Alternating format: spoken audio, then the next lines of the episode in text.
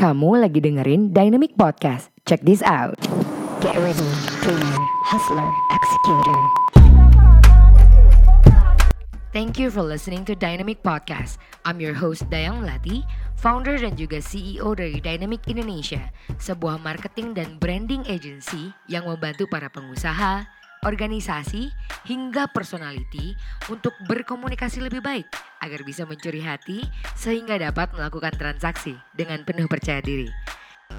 Nah, sebentar lagi kamu akan mendengarkan cerita yang penuh kisi-kisi pelajaran dari seorang pemimpi menuju pejuang yang penuh dengan aksi. Agar segala keinginan gak hanya ke bawah mimpi. This is your Dynamic Podcast. Jangan ke bawah mimpi doang. Here we go. Please welcome Adrian. Halo Adrian. Halo, halo semua. Halo uh, teman-teman Dynamic Podcast. Uh-uh.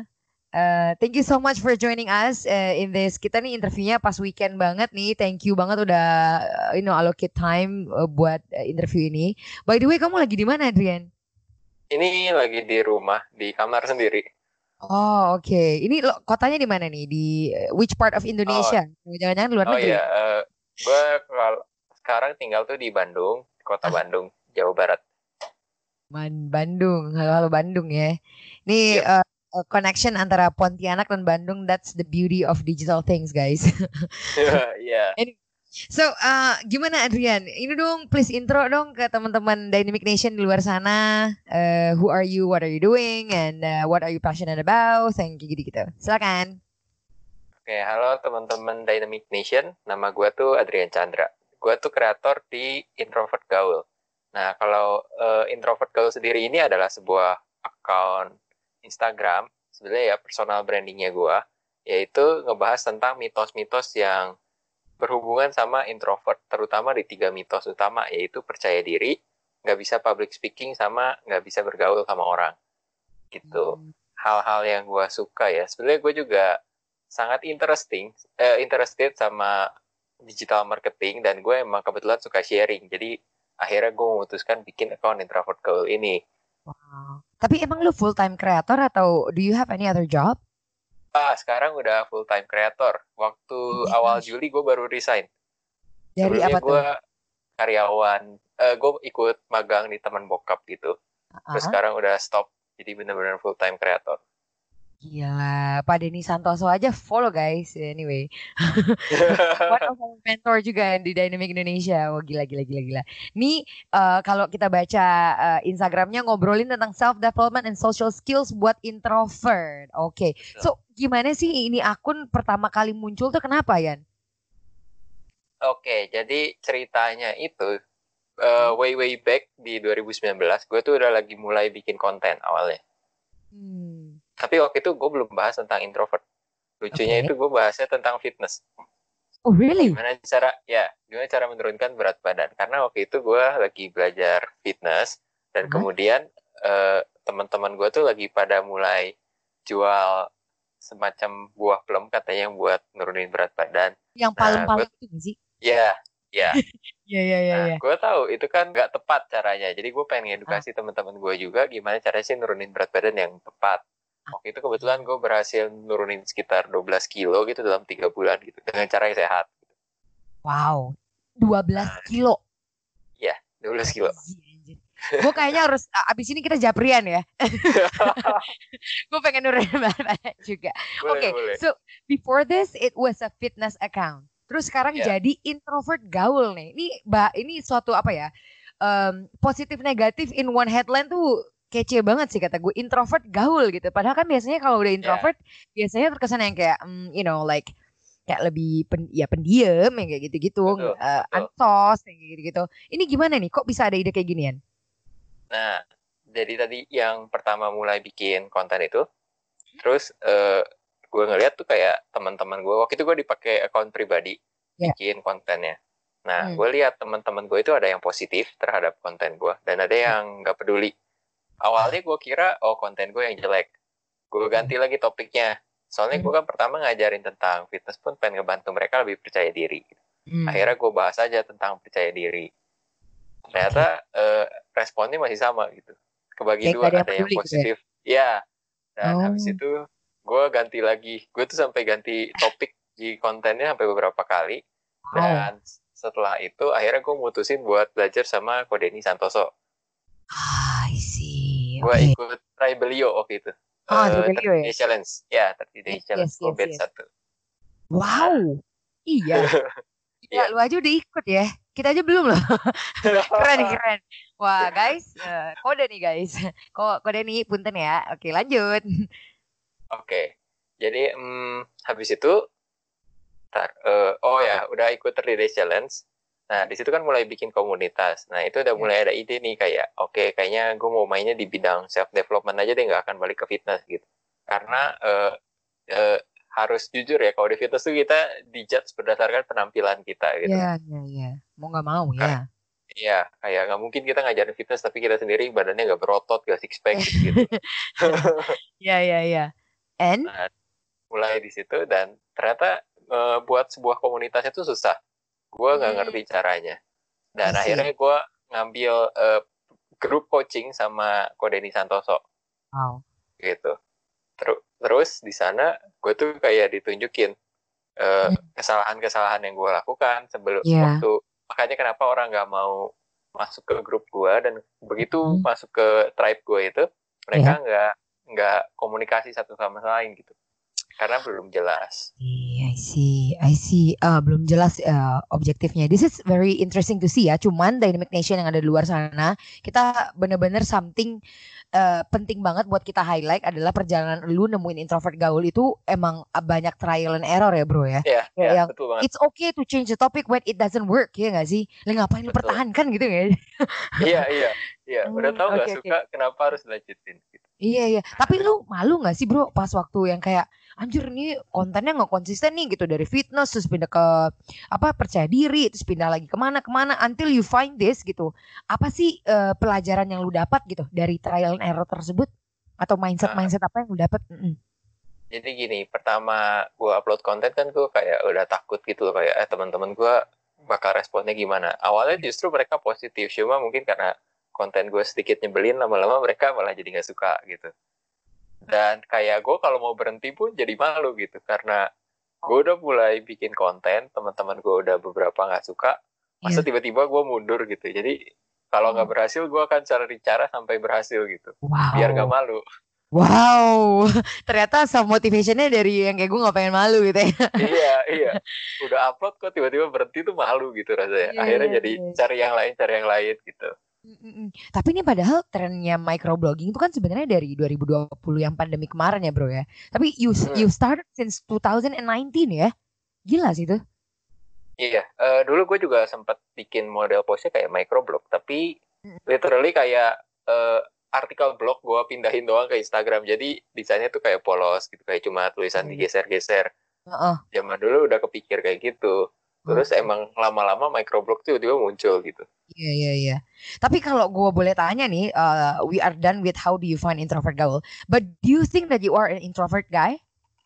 ah ya ya gue Oh introvert really? Iya. Masa Iya. sih? iya Tadi gue asik-asik aja ngobrol sama.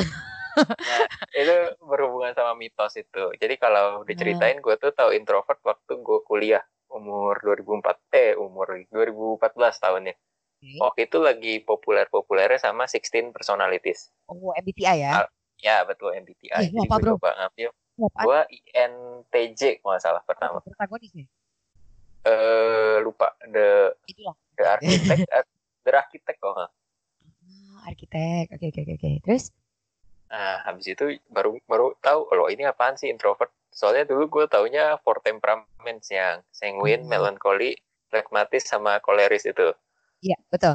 Gue juga baru. Gue baru belajar itu bro. Kayak jadi Yang gue tahunya pertama MBTI. Iya gue pertama tahu MBTI dulu, baru tahu singwe, sanguin, uh, melankoli, pragmatis yang gitu itu tuh barusan ini nih kayak minggu ini literally, which is I think it's very interesting Oh. topic to discuss ya. Iya iya. iya. Eh, ya setelah itu gue baru menyadari kayak oke gue introvert dan gue menjustifikasi diri gue kayak oke berarti jadi gue nggak bisa gaul, nggak bisa public speaking, mungkin gue Wow. emang minderan karena lahir gitu. Karena gue pikir emang karakter gue kayak gitu. Padahal Hmm. enggak sebetulnya. Itu miskonsepsinya. I see. Eh tapi ini dalam dari dalam da, apa dalam arti kata lain lu bilang kalau lu introvert doesn't mean like uh, lu nggak bisa public speaking, nggak akan pede kayak gitu tuh sebenarnya hanyalah mitos gitu ya. Betul banget. Kenapa, Betul Bro? A- Atas dasar apa lu ngomong kayak gitu? Karena kan Oke. mayoritas sosialitas sosialita ini asik. Hmm, seakan-akan mindsetnya udah kayak gitu dan fakta di, so- di di komunitas kita juga kayak gitu gitu loh. Misalnya ada anak pendiam aja gitu kan mojok gitu. Ya, anak ini introvert nih. Maksudnya kita lagi hang out gitu kan terus tiba-tiba cuma diem aja. Oh anak ini introvert gitu. Gimana lu Hmm. memberantas mitos-mitos ini? Asik. Memberantas. Sangar banget bahasanya. Gue pun dulu percaya gitu sama mitos-mitos itu. Karena gue ngerasa diri gue juga kayak gitu. Cuma Hmm. kan kalau kita ngobrolin tentang introvert juga kan pasti hubungannya sama psikologi gitu. Nah, pengertian introvert sendiri itu mendapatkan energi dari diri sendiri gitu. Sementara ekstrovert itu mendapatkan energi dari eh, luar dirinya. Jadi kayak dari orang, Hmm. dari sebuah yang exciting gitu. Itu dia dapat energi. Nah, kalau Dari yang apa definisi satu aja- lagi bro maaf nih gue Eh, potong ada satu lagi pak oh iya. ambivert ya itu Ah, dari iya, mana iya.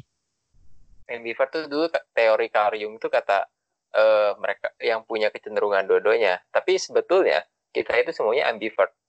Tapi Ah. kita lebih dominan ke salah satu. Jadi tetap sebutannya introvert atau extrovert. I Karena see. kan menurut teorinya kalau kita murni introvert pun atau kita murni extrovert kita pasti gila gitu. Sakit jiwa. iya iya Jadi sebenarnya kita semua ambivert gitu. Tapi tetap ada eh, kecenderungan yang paling kuat antara introvert sama extrovert gitu. I see. Oke, oke, oke, oke. Gue setuju banget sih itu. Em, apa namanya yang lu obrolin, obrolin tadi. Cuman nih karena recently gue baru baca tentang sanguin, plekmatis, Hmm. yang gitu-gitu ya bro ya. Hmm. How do you see the correlation between itu dalam kehidupan sehari-hari dengan MBTI gitu? Yang mana menurut lo yang apa ya, yang applicable lah istilahnya ke kehidupan sehari-hari gitu? Eh, yang for temperament sama MBTI ya berarti. Ya. Mm-mm. Eh, ke- waktu itu gue pernah ngobrol juga sama eh, foundernya satu persen, co-foundernya si Vicky Seratulo. Oh iya, kita bisa Iya, ngobrol kita sama per- Evan tuh kemarin. Ah, Episode iya. yang lalu. Wow, crazy. Uh, kebetulannya orang- bisa banget ya. Iya, gila. terus terus? Lagi ngobrol sama Vicky, gue dijelasin kalau for temperaments itu like sejenis bullshit. Soalnya itu tuh zaman dulu eh, itu tuh berdasarkan empat cairan dalam tubuh dan itu dibikinnya zaman sebelum Yunani gitu for temperaments. Oke. nggak ada nggak ada basic moder eh nggak ada basic psikologinya sama sekali gitu Aha, jadi kayak ngarang ngarang-ngarang aja itu tuh klasifikasinya aha. nah jadi introversion sama extroversion itu eh si MBTI MBTI ini tuh kayak gabungan dari si four temperaments ini sama teorinya Carl Jung jadinya jadinya ada empat huruf itu loh di MBTI Hmm. Dan yang paling applicable ya jelas pasti yang MBTI yang lebih terpercaya gitu karena berdasarkan psikologi dan emang ada cara pengujian ya kalau zaman dulu tuh yang for temperament pengujiannya nggak jelas banget gue diceritain gitu Oh gitu. Jadi yang lebih tepat itu adalah MBTI ya berarti ya? betul betul Ah oke oke oke oke. Kita sih di Dynamic udah make untuk HRD udah pakai si MBTI sih soal soalnya gitu. Hmm, Ah, cuman nih bro, ah, karena kita ngomongin introvert gaul ya, and how you go with all of this gitu, dan lu bilang yang Hmm. kayak kalau seandainya tuh anak introvert tuh sebenarnya nggak percaya diri dan nggak bisa public speaking itu adalah bullshit gitu kan istilahnya. hmm, So, Yep. so you believe that everyone can do that, can do a better public speaking, and can do, uh, uh, can have a better self confidence? Like how? Eh. kan shape berbeda gitu. teorinya sih bisa harusnya kalau gue percaya teorinya bisa cuma nggak Hmm. semua orang yang mau belajar Ah, oke. the key pointnya itu latihan karena ini kan sebuah keterampilan kita harus latih itu terus menerus sampai akhirnya kita jadi ahli nggak mungkin kita nggak pernah misalnya kita nggak pernah bisa berenang nggak pernah Hmm. belajar nyemplung ke kolam yang dalam terus bisa berenang itu impossible kan Iya. tapi kan semua orang bisa berenang harusnya Betul, betul. If you learn gitu kan ya. ya I see. So uh, sebenarnya kalau skill-skill yang dimiliki kayak extrovert born with that gitu tuh sebenarnya ya bisa dialami juga oleh introvert. Gue sempat baca artikel juga sih yang bilang yang kayak sebenarnya ya kayak siapa tuh namanya founder Tesla Astagfirullahaladzim siapa? Aduh, aduh, aduh. Elon Musk itu sebenarnya introvert ya katanya ya. ya emang Elon introvert emang introvert Eh, terus ada Bang. beberapa great leaders, oh apa Mark Hmm. Zuckerberg gitu kan ya, katanya Iya, itu betul. mereka malah introvert gitu kan. Iya, So betul. what power do you guys have gitu? Menurut lu nih se- sebagai seorang introvert dan udah mengkaji dalam tentang berbagai Hmm. personality, apa sih super powernya introvert tuh bro? Oke, jadi yang pertama yang gue baca-baca dan gue percaya juga, Iya. introvert itu superpowernya pertama karena mereka pendiam sebetulnya. Mereka, ah. jadi mereka bagus dari observasi, secara observasi, analisis gitu-gitu itu bagus. Karena kan informasinya lebih banyak masuk daripada mereka yang ngeluarin. Ah. Nah, dan yang paling penting yang gue rasa semua introvert hampir punya itu adalah eh, membangun emosi sama orang lain. Jadi Ah. kita tuh bisa mengerti emosi orang lain. Dan Iya, itu iya. suatu modal yang bagus apalagi kalau mau terjun di dunia di dunia marketing and sales gitu. Yes. Ah, sales? Really?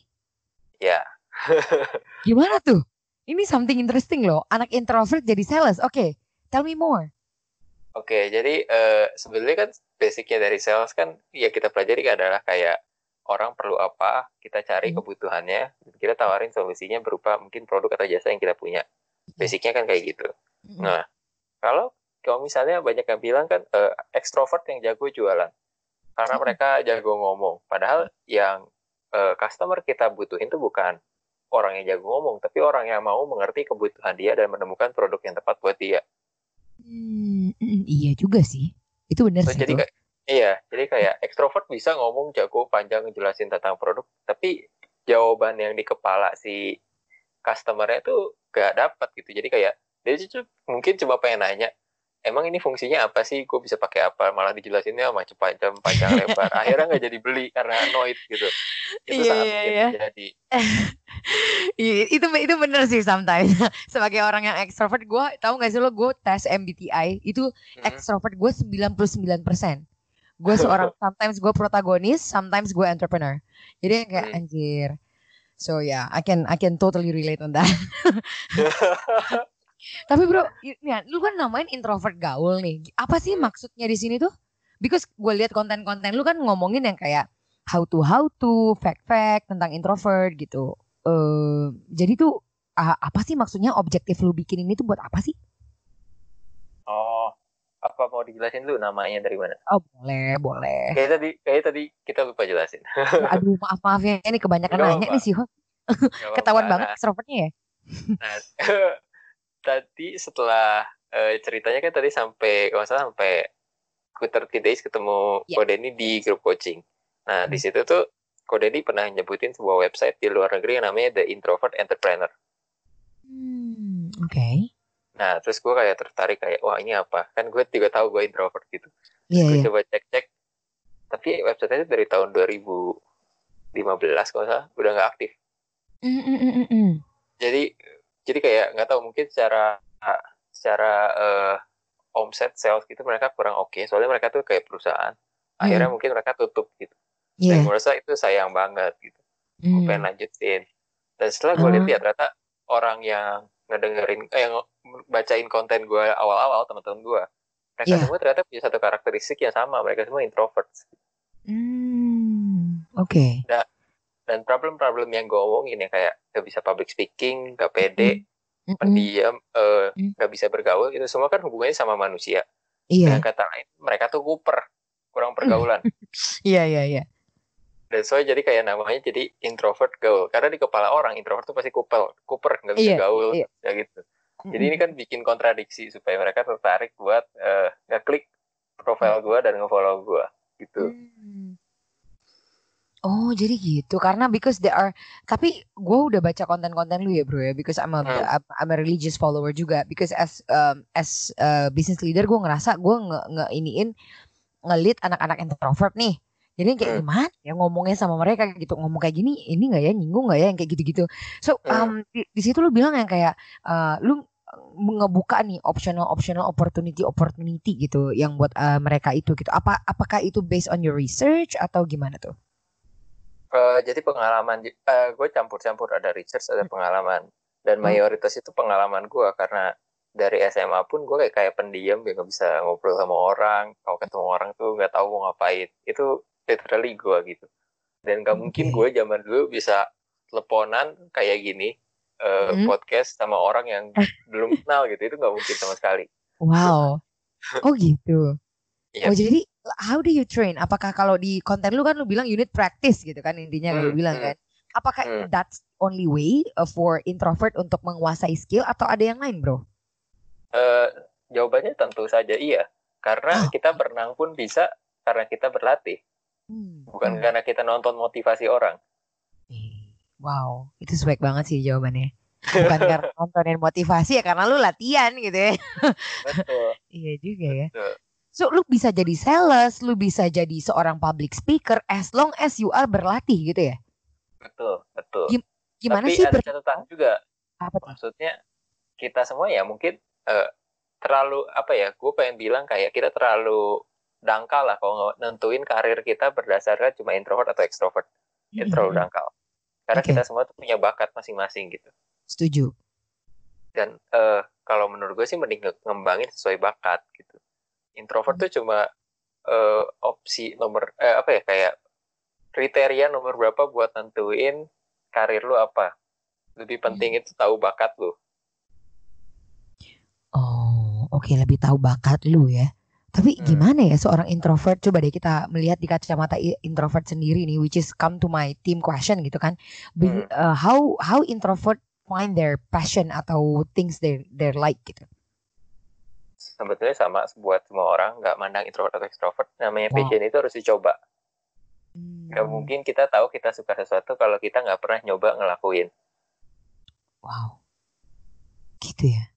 iya pasti kan maksudnya kita tuh punya interest masing-masing ya kayak kita minat sama bidang sesuatu tapi Mm-mm. belum jadi passion kalau kita belum bisa lakuin itu kan jadi kita harus nyoba Hmm. Oke. itu baru jadi passion Hmm, tapi kan kalau seandainya kita orang extrovert kan we tend to like uh, we- our curiosity itu seems bigger ya istilahnya Hmm. kayak we talk to people and blah blah blah sometimes opportunity juga terbuka karena kita sering ngobrol sama orang dan sebagainya dan lain yeah. sebagainya. Tapi kan kalau introvert kan cenderung lebih pasif ya itu bro ya. Itu gimana tuh? Gimana how do you guys like apa namanya yang eh, kamu bilangnya tadi kan ya sama semua orang mau extrovert introvert mau nyari passionnya Hmm. adalah dengan try so many things kan. Tapi Hmm, gimana sih try so many thingsnya introvert itu? Eh, sebenarnya sama aja. Cuma Hah? mungkin yang perma ya sama aja kan. Harusnya kayak kita ketemu orang baru ngobrol atau ikut gabung komunitas baru nyoba nyoba hobi baru. Itu kan try many things. Hmm. cuma banyak yang introvert tuh nggak mau nyoba karena limiting belief. Jadi mereka percaya kalau introvert tuh ya ya udah gue harus pendiam gue harus Iya. gak bisa bergaul gue gak bisa public speaking gue gak akan minder gue Mm-mm. gak akan bisa jadi entrepreneur gue gak bisa jadi public speaker gitu-gitu Iya, jadi iya. mereka tidak eh, doesn't bother to try gitu Wow. Iya iya iya. Sebenarnya itu bukan masalah introvertnya ya, tapi belief dan mindsetnya sendiri sebenarnya ya. Berarti. Betul, betul banget Oke. Kalau lu nih as an introvert yang uh, a Hmm. successful uh, broken rules introvert lah ya, based on society benchmark gitu. Um, Lu kan beda uh, introvert yang berbeda nih di di society, introvert yang gaul gitu. Ada Hmm. nggak habit-habit yang lu lakuin biar mungkin bisa ditiru sama Dynamic Nation yang merasa dirinya juga introvert dan saat ini tuh ngerasa "Hmm, life it's too you know small, you know, like ya gitulah istilahnya. Ada nggak habit-habit yang biasanya lu lakukan sebagai seorang introvert?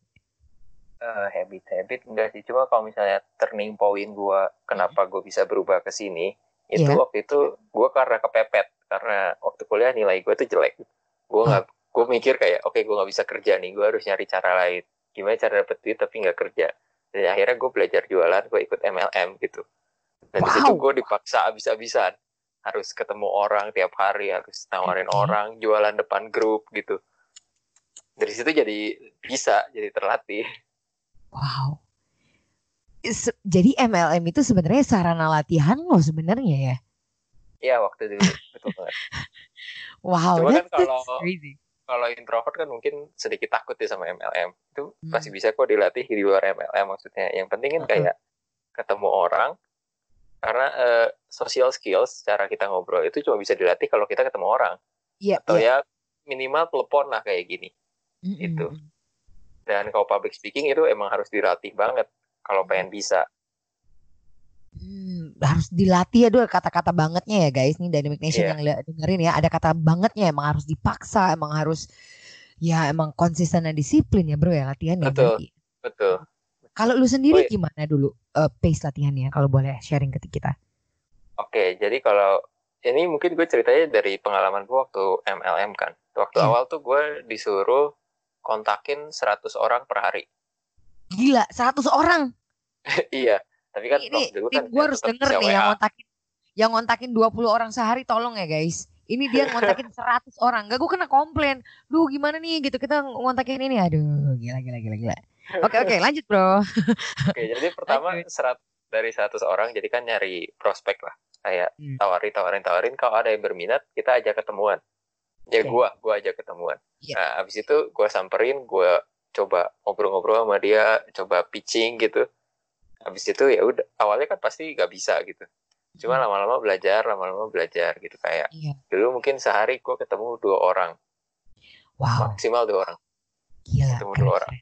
Ya, lu kontakin 100 yang convert dua orang ya sehari. Iya, iya, iya, itu zaman dulu. Mungkin ada pengaruh skill juga kan jadi gue jualannya masih sucks. Jadi kayak yang mau beli cuma dua orang gitu. Hmm, Oke. Terus terus. nah habis itu karena tiap hari gue lakuin kan lama-lama jadi biasa. Ah oke. Setuju. mulai mulai nambah jumlahnya. Bisa sampai tiga empat gitu. Ada progres ya. ya nah terus lama-lama sama kayak mentor gue dibilang kayak oke lu kayak udah bisa jualan satu lawan satu. Cuma nyadar gak sih salesnya kecil banget gue bilang iya kayak karena kan sehari yang beli mungkin tiga atau empat orang gitu itu kecil banget nggak bisa hidup dari situ kan Nah, iya. jadi diajarin kayak nah ada metode kedua selain nawarin orang gitu Apa jadi gue suruh nyari car arisan ibu-ibu Wih mantap. di situ Produknya apa emang? Produknya apa Eh, emang? MLM-nya kan CNI itu jadi macam-macam ada Ah. ada minuman ada deterjen dulu gue paling sering jual deterjen soalnya kan Oke. kayak ibu-ibu enak ibu-ibu perlu nyuci Betul banget. Terus? nah jadi di situ jadi awalnya kan gue udah mulai terbiasa ngomong sama orang dulu habis itu gue baru mulai belajar public speaking dan kesalahan pertama gue waktu mulai public speaking gue nggak pernah public speaking nggak pernah jualan depan banyak orang sekaligus Oke. gue langsung kayak ikut arisan yang isinya 20 orang itu panik Oh. banget Tapi swag tuh kalau menurut gue sih tuh. Yang kayak langsung udah hajar aja. Oke, terus? terus jadi kayak yang 20 orang itu salesnya nol itu lucu banget karena gue nggak bisa ngomong apa-apa nggak bisa presentasi akhirnya salesnya nol tapi itu jadi pukulan gue tuh kayak oke gue Iya, harus iya. bisa kalau nggak gue nggak akan dapat duit nah lama-lama jadi kayak tiap hari nyari arisan nyari arisan nyari arisan gitu akhirnya ya lama-lama ngomong depan 20 orang tuh ya udah santai gitu udah Hmm. bisa jualannya Wow, itu banyak banget ya eh, terjalannya ya. Lu sempet gagal ini keren sih. Keren keren keren. Terus terus? Hmm, habis itu eh, mungkin gue lebih bahas ke orang ya kalau orang yang Iya. gak mau ikut MLM gimana sih praktisnya Iya. Eh, paling gampang itu kan biasanya kita punya hobi kita join suatu komunitas yang hobinya sama kayak kita misalnya lagi j- rame kan sekarang sepedahan Oke, Hmm. Iya, betul. udah, gabung komunitas sepeda itu lebih gampang ngobrol karena interest kita udah sama sama-sama suka sepeda Oh gitu. Oh Dari iya situ kan bisa belajar ya. networking. Iya. Iya.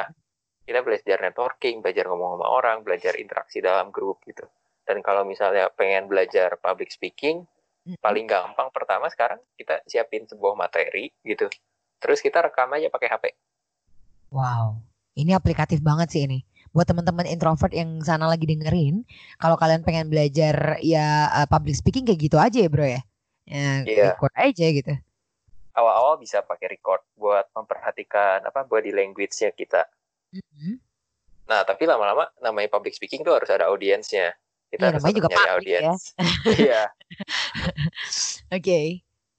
Bisa mulai dulu misalnya dari teman-teman dekat misalnya dua tiga orang kita Iya. ajak terus kita coba presentasi kalau udah mulai biasa oke tambah lagi tambah lagi jadi jangan langsung ngomong ke banyak orang kayak gua karena itu nggak akan bisa harus dilatihnya audiensnya naikin sedikit sedikit Iya, tapi itu mentalnya keren banget sih itu karena mungkin dilatih dari ini juga kali ya, dari MLM yang kayak gitu. Iya. Udah aja lah gitu ya. Iya udah kepepet soalnya. Oke oke oke oke. That's that's really cool by the way. So um, jadi lu kayak gitu uh, sejarah belajarnya uh, Hmm. aplikatifnya tadi kayak gitu ya untuk uh, public speaking seperti itu. PD-nya emang harus dipaksa ya. Betul. Enggak enggak. Terus ini nih sekarang kita ngobrolin eh tadi lu em, tim gue tuh nanya sebenarnya tadi tuh kayak Hmm.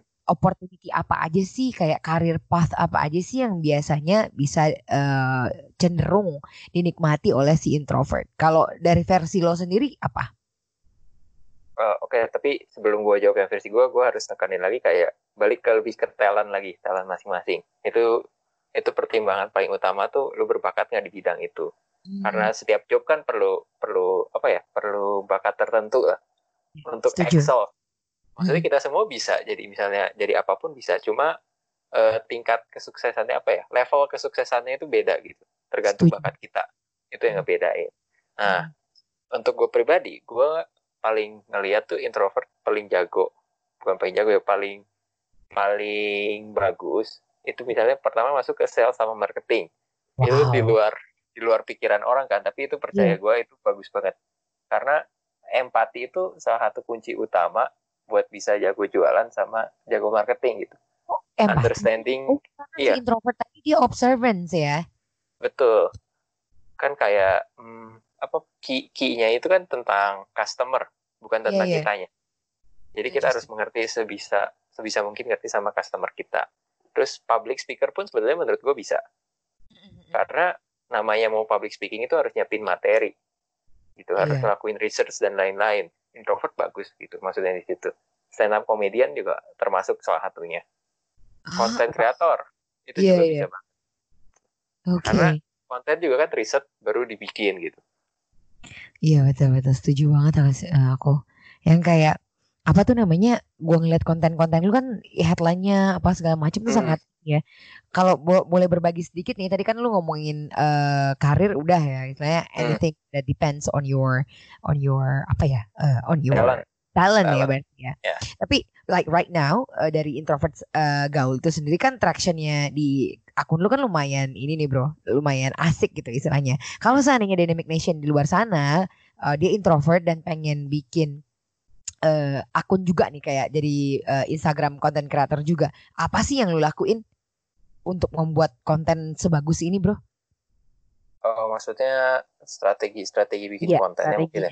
Iya, strategi tips gitu. Oke, mungkin eh, beberapa orang mikir kayak strateginya akan ribet atau enggak ya. Tapi Iya. strategi gue tuh cuma sesimpel kayak liatin komen orang, mereka nanyain tentang masalah apa, terus gue jadiin konten. Oh iya, lu ngomong Iya. sama orang problemnya apa lu jadiin konten gitu? iya, kan karena kayak misalnya gue upload konten tentang hari ini, di bawah tuh kan ada yang komen gitu. Dan Iya iya. tiap hari tuh ada DM yang masuk ke gue. Ah, Terus ya gue tinggal liatin, oh banyaknya nanyain tentang ini, ya udah gue bikinin kontennya gitu. ah, ah. Jadi sesimpel itu. Tapi emang awal-awal gue harus riset sendiri gitu. Iya. harus nyari-nyari di Google kayak topik-topik yang suka dicari orang-orang introvert tuh apa terus gue coba Heeh. bikin konten sampai akhirnya audiens gue kebentuk gitu kalau Oh. udah ada yang DM DM tuh udah enak karena kita tinggal liatin DM-nya oke dia nanya ini nanya ini nanya ini oke dijadiin konten gitu Heeh. Oh wow, that's that's amazing. It's smart sebenarnya. Lalu gimana nih Eh, ngobrolin tentang eh, kalau tadi itu strategi lu bikin konten ya udah ngambil dari masalah orang ya, which is yang kayaknya that's what is konsisten yang lu lakuin kalau menurut gue ya nggak sih? Kayak dari Hmm. lu eh, bikin eh, gonta-ganti tema, emang lu eh, mencoba untuk merefleksikannya kembali dari audiens lu, which is amazing kalau menurut gue. Tapi nih Hmm. problemnya orang yang bikin konten itu adalah konsistensi nih bro. Gimana Betul, sih Mbak. kon- konsistensinya anak introvert tuh gimana bro? Bagi-bagi lah tipsnya. Eh, ini beda-beda. Jadi sebenarnya cara paling bagus adalah bikin konten kalender gitu. Jadi kayak dalam seminggu kita mau bikin konten apa aja udah kita planning kita bikin dalam satu hari jadi tinggal hari-hari berikutnya upload aja. Cuma gue nggak bisa kayak gitu. Mungkin orang berpikir introvert tuh orangnya hidupnya tertata gitu-gitu. Nggak gue berantakan banget hidupnya. Secara jadwal ya.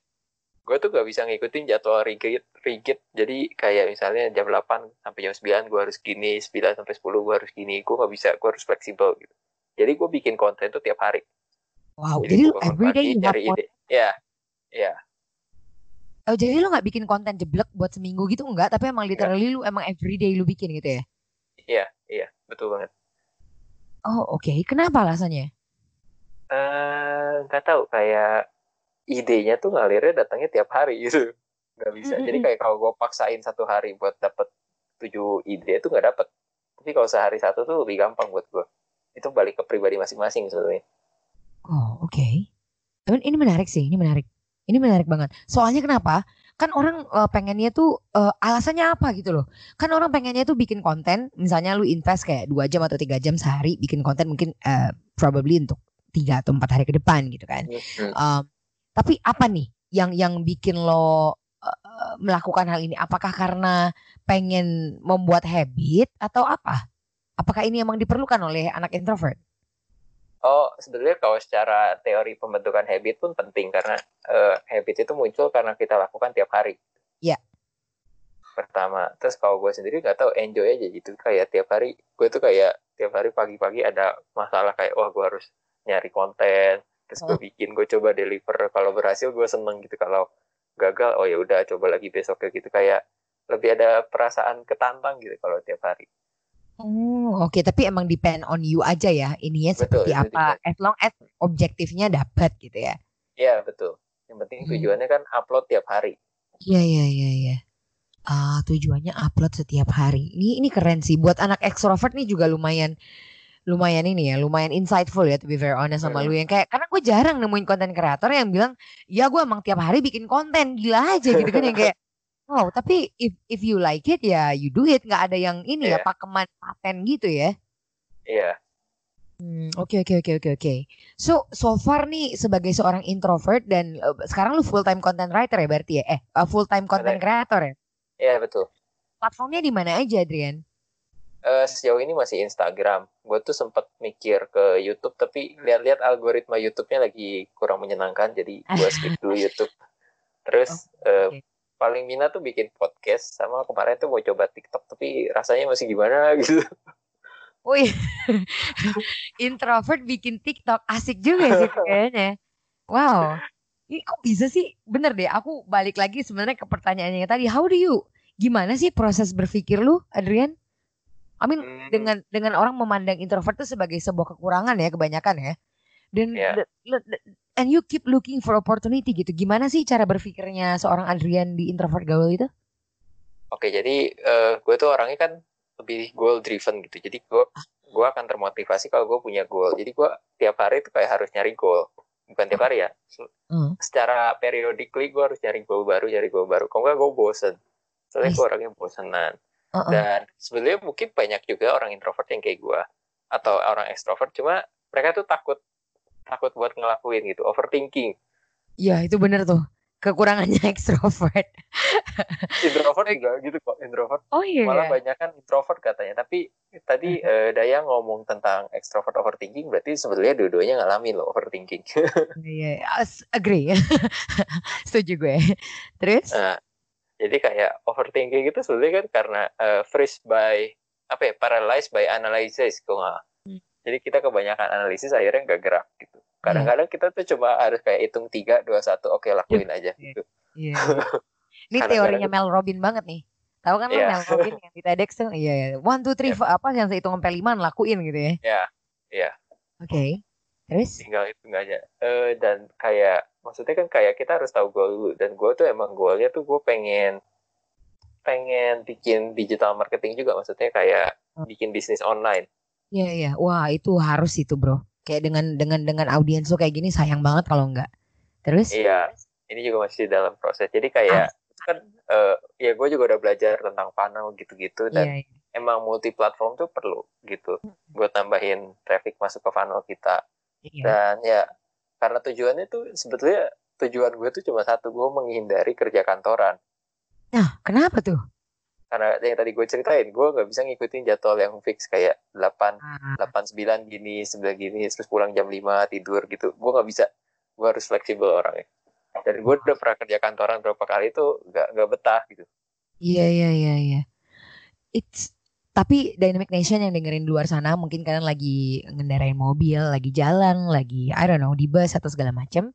Eh, banyak nih teman-teman Dynamic Nation yang sekarang lagi bikin, bikin bisnis bro, juga sama kayak lo lagi Hmm. building building something gitu kan. Hmm, Satu hal yang bikin gue amazed banget sama Adrian itu adalah uh, self awarenessnya sangat tinggi ya bro lu ya. Kayak Ah, gue ya. harus tahu dulu goals gue gitu. Gue Hmm. ini dulu harus gue gue emang anaknya fleksibel. Gue denger banyak sekali obrolan dari lo tadi yang kayak gue tuh emang kayak gini gitu. Gue tuh emang kayak gini dan and it- it's like gim- aduh, gue nggak tahu nih ngomongnya kayak gimana because se- sebagai seorang introvert lu bisa seperti itu menurut gue amazing banget sih. Ada nggak uh, tips buat kita bagaimana how seorang introvert or maybe how seorang Adrian um, develop your self awareness atau apa sih self awareness bahasa Indonesia-nya? Eh, kesadaran diri. Nah, kesadaran diri. Iya, gimana tuh Oke, ya? jadi self awareness itu eh, gue juga awalnya nggak nyadar kayak gue tuh cuma kayak explore diri gue, explore diri gue. Tapi setelah dijelasin sama teman gue psikolog juga ada dua syaratnya. Pertama, kita harus punya lingkungan yang positif dulu.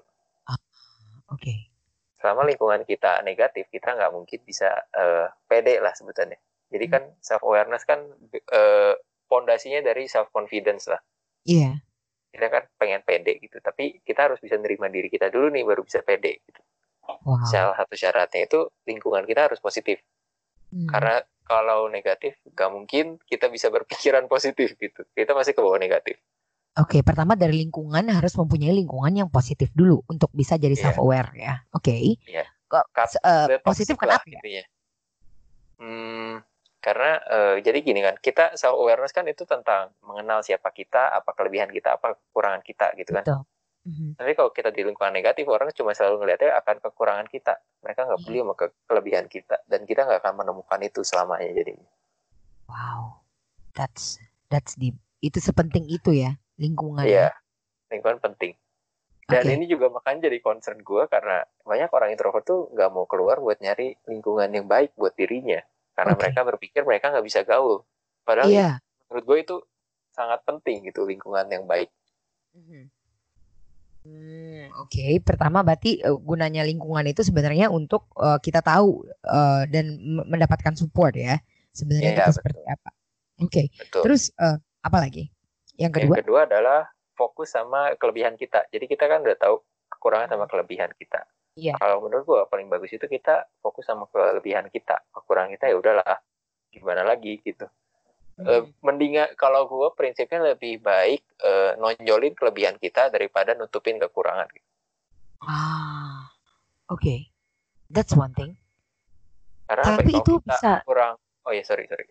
sorry, itu emang bisa nunjukin ke, bisa memboost up self awareness ya bro ya?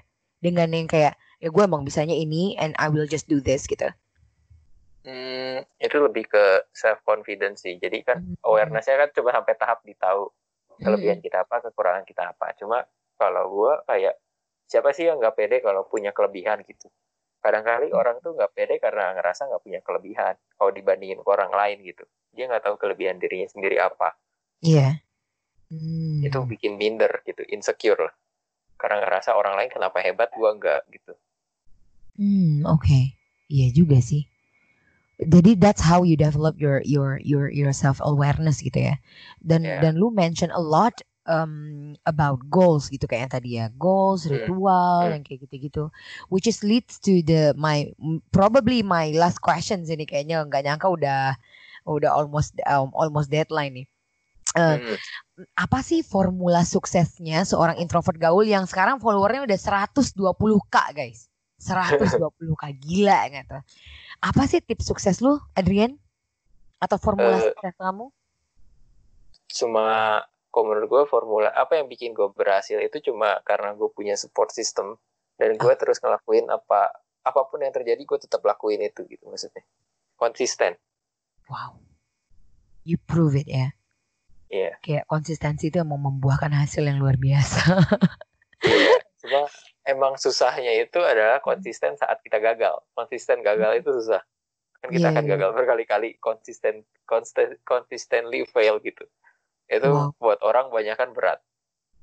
ya at least failing forward ya kalau orang bilang ya Iya. kayaknya I, I heard about it oh so berarti formula sukses lu adalah have a support system and a konsistensi ya berarti ya tadi kalau boleh di recap eh, rahasianya konsisten seorang Adrian itu adalah eh terus nyari goal baru kalau gue ah oh iya terus berusaha berusaha nyampe ke goal yang baru kalau udah kesampaian bikin Mhm. goal baru gitu amazing gue gatel nih kalau nggak nanya pertanyaan ini because you know like um, semua tips yang lu bilangin tadi itu kayak gatel banget gue sebagai seorang extro- extrovert itu kayaknya relatable juga ya maksudnya applicable buat Hmm. kita juga gitu kan istilahnya Hmm. how do you set goals Adrian Eh, gue juga belajar jadi goal itu kan harus SMRT smart.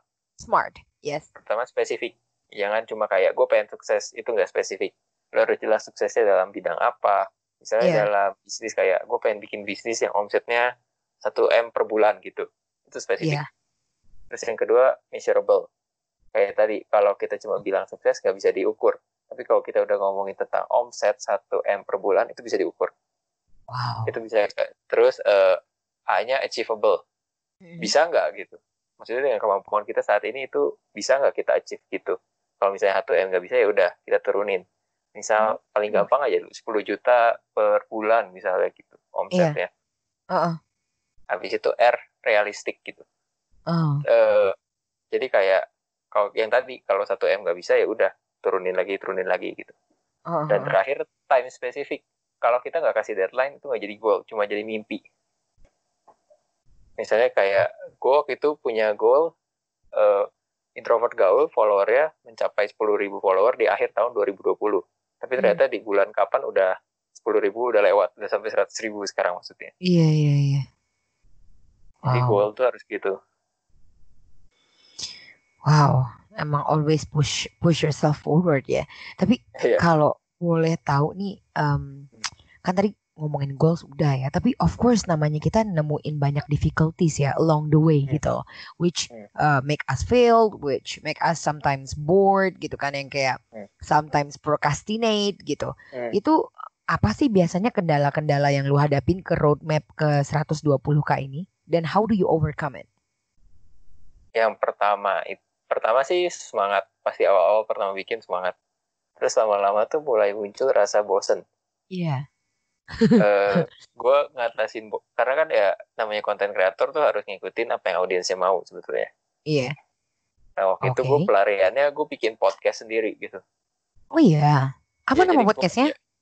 eh belum dipublish soalnya itu gue bener-bener kayak begini kayak oke gue bosen nyari hal Aha. baru oke itu waktu itu lagi malam ya jam 11 jam 12 gitu gue Aha. berhenti terus kayak "Ah, udahlah malam-malam gue coba bikin podcast terus kayak gue take sampai 4 episode podcast dan gue seteng ya udah gue lanjut lagi gitu jadi gue nyari kalau misalnya di sini boring gue cari sesuatu yang baru gitu Wow. Oke. Oh, jadi gitu ya. Even though it's not published atau apa gitu, yang penting lu Iya. uh, kayak twist your your your activity aja gitu ya, biar ya agak inilah asik lah gitu ya. Oke Iya. oke oke. Terus? Terus eh hambat sebenarnya ke waktu introvert girl ini hambatannya nggak terlalu banyak lebih banyak tuh waktu awal-awal sebelum sampai introvert girl itu kayak gagal berkali-kali gitu-gitu Aha. Eh, itu lebih lebih susah sih ngadepinnya karena kayak gue juga udah gagal berapa kali udah down berapa kali gitu Oh, pas waktu nyariin ininya ya, pas Iya. nyariin tema yang pas ya. betul itu juga kayak udah banyak downnya lah teman-teman Iya, iya, iya. ngejauhin dinyinyirin gitu-gitu Iya. Iya Gila sih keren-keren gila Adrian. Tuh nyampe nyampe ke 120k tuh nggak segampang yang kamu bayangkan ya guys. iya Terjal sekali jurangnya. dan gue selalu bilang kayak kreator yang baru kayak nggak apa-apa lu gagal asal lu belajar sesuatu gitu karena kalau nggak pernah gagal nggak tahu salahnya di mana gitu dan yang penting tuh kalau gagal ya kalau emang pengen ya paksa terus gitu jangan Iya. manja gitu. Kalau gue boleh tanya, my last question, like trust me, gue I can like you know, talk to you like for the rest of like three hours, you know. Tapi my last question, setelah dapat 120k seperti ini, how do you monetize you, uh, things, uh, your content as a content writer? oke jadi pertama gue punya bisnis pakai kolamnya orang lain kolamnya bang Obet Apa tuh? eh, tentang desain. Jadi kan banyak orang yang mau mulai bikin konten dan mereka nggak bisa desain. Kita jualin template buat di software yang namanya Canva. Buat Ah, di website kita bikin template-nya kita jual mereka bisa pakai langsung bisa Oke. bikin konten. Mereka tinggal ganti kata-katanya gitu. oke. Itu pertama. Yang kedua gue affiliate marketing. Oh, bang kode nih ya kayaknya nih. ya. Eh enggak enggak affiliate Oh, marketingnya banyakan ke ada satu tes personality sama Ya. ke satu persen kelas online satu persen. Gue Oh, affiliate. Oh, kamu affiliate-nya kelas 1%. Oke. Betul. Hmm. Itu juga sumber duit. Hmm, mm, mm, mm, mm. keren keren keren keren. Guys banyak sekali yang bisa di kalian dapatkan kalau udah follower. Kolamnya udah gede kayak gini ya asik ya? Ya, Mungkin- ya lebih asik. mau diapain aja enak gitu ya. Mau apa nih because the trust udah di sana gitu loh teman-teman yang introvert. Gila literally emang 70% nih tim gue eh, yang introvert tuh follow lu semua gitu. Yang kayak oke fine Hmm. guys chill. Oke I'm gonna interview him. Don't worry. Nih udah gue tanyain ya pertanyaan kalian bahkan kayaknya ngedapat banyak banget info dibandingin yang kita ekspektasikan thank you banget ya Adrian ya So, um, apa nih, um, apa namanya your last statement untuk teman-teman uh, Dynamic Nation yang mungkin introvert atau nggak introvert, or just your message, you know, to Dynamic Na- Nation listeners out there. Oke, pesan gue terakhir ke orang-orang tiap acara gini selalu sama. Introvert itu bukan kutukan. Introvert itu itu introvert itu sebuah gift dan lu bisa gunakan itu kok buat nyampe tujuan lu. Mungkin caranya akan beda sedikit sama orang-orang ekstrovert karena karakter kita yang seperti ini dan Iya. jangan jadiin itu tuh sebagai justifikasi supaya kita nggak gerak ke mana-mana gitu. Semua Hmm. orang takut, semua orang merasa gelisah, semua orang pernah gagal. Ya, Kenapa? Tapi ada yang bisa sukses karena mereka terus ngelakuin gitu. Ya Hmm. kenapa enggak gitu? Kenapa lu enggak? I see. Semua orang tuh bisa ngelakuin, kenapa lu nggak bisa gitu ya? Eh, kalau orang Ya. bisa, lu berarti juga bisa gitu ya. Hmm. Guys, introvert is not a kutukan. So kepada Dynamic Nation listeners out there, ya kalau kalian introvert, it's not a blame. Gue setuju banget yang diomongin sama Adrian tadi, karena yang kayak banyak orang-orang bilang, "Eh, gue nggak bisa kayak gini because I'm introvert gitu ya. Like, ya. oh my god, I mean like communicating through WhatsApp and you don't follow up karena ngeblame eh, apa tuh namanya personality introvert I think Yeah. is just a shame gitu. So please Yeah. don't do that and uh, maximize your talent seperti yang dibilangin sama Adrian lagi. Eh, maaf kalau ada kata-kata yang salah ya. Eh, mohon pamit undur diri. Sampai ketemu di next episode. Saya ada yang melatih dan Adrian Chandra. sampai ketemu di next episode eh, Dynamic Nation, Dynamic Podcast. Jangan ke bawah mimpi doang. Bye bye. Assalamualaikum.